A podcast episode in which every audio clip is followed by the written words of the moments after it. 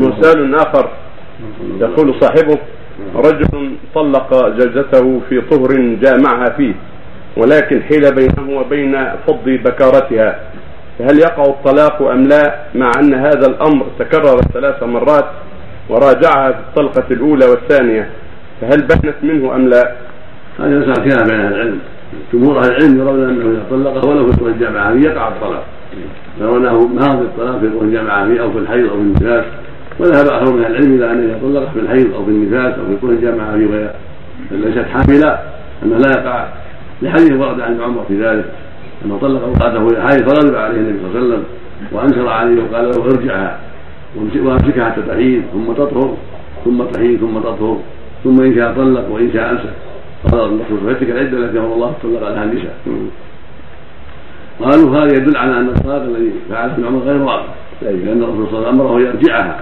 ولم يسأله هل هي واحدة أو اثنتين أو ثلاثة أمره يرجعها.